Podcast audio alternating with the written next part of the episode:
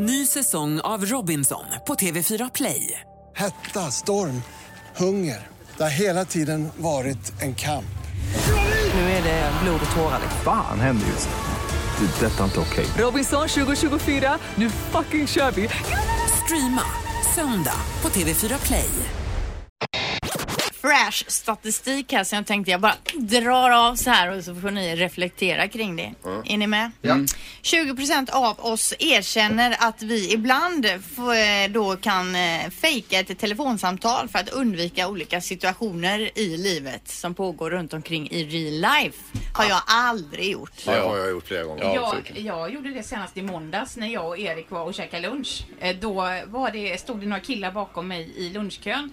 De fattade inte att jag och Erik var i sällskap så de började prata om Erik och hur bra han är på radion och att när de hade lyssnat på honom trodde de att han var ful. Eh, Men sen så tyckte de att han var ganska snygg. Då fick jag sån panik att jag fick sån inblick i det samtalet så då tog jag upp telefonen och låtsades prata. Konstigt. Ja, Sandholt, berätta nu.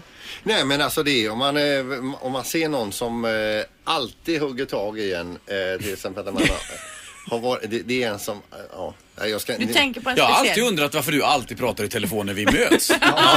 men, eh, men det är jag ska inte säga vad det är för då kan ju den människan känna sig jätteträffad. Men det, det är ett tillfälle som be, brukar uppstå lite då och då och då är telefonen alltid bra att ha eh, för då... Men vad säger du i telefonen då?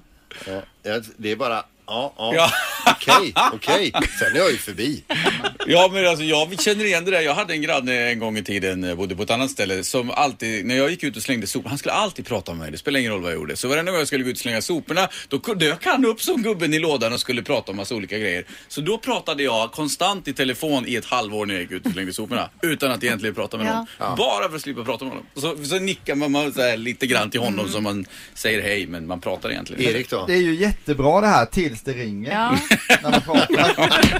Det, det, har, hänt. det har hänt mig faktiskt en Ja. gång. Och då Ja. är det bara att lägga sig platt alltså. Ja. Då, då får man ju bara, det, det var inte alls bra. Det var på, eh, dessutom på någon eh, dejt också. Ja, man lägger sig platt, verkar som Ja. en psyksjuk Ja. människa. Nej men man får bara, okej, jag fejkpratar. Men, men, men var det under den dejten med henne du är gift med idag? Nej det var det inte. Nej. Ett poddtips från Podplay. I fallen jag aldrig glömmer djupdyker Hasse Aro i arbetet bakom några av Sveriges mest uppseendeväckande brottsutredningar. Går vi in med hemlig telefonavlyssning och, och då upplever vi att vi får en total förändring av hans beteende. Vad är det som händer nu? Vem är det som läcker? Och så säger han att jag är kriminell, jag har varit kriminell i hela mitt liv men att mörda ett barn, där går min gräns. Nya säsongen av Fallen jag aldrig glömmer på Podplay.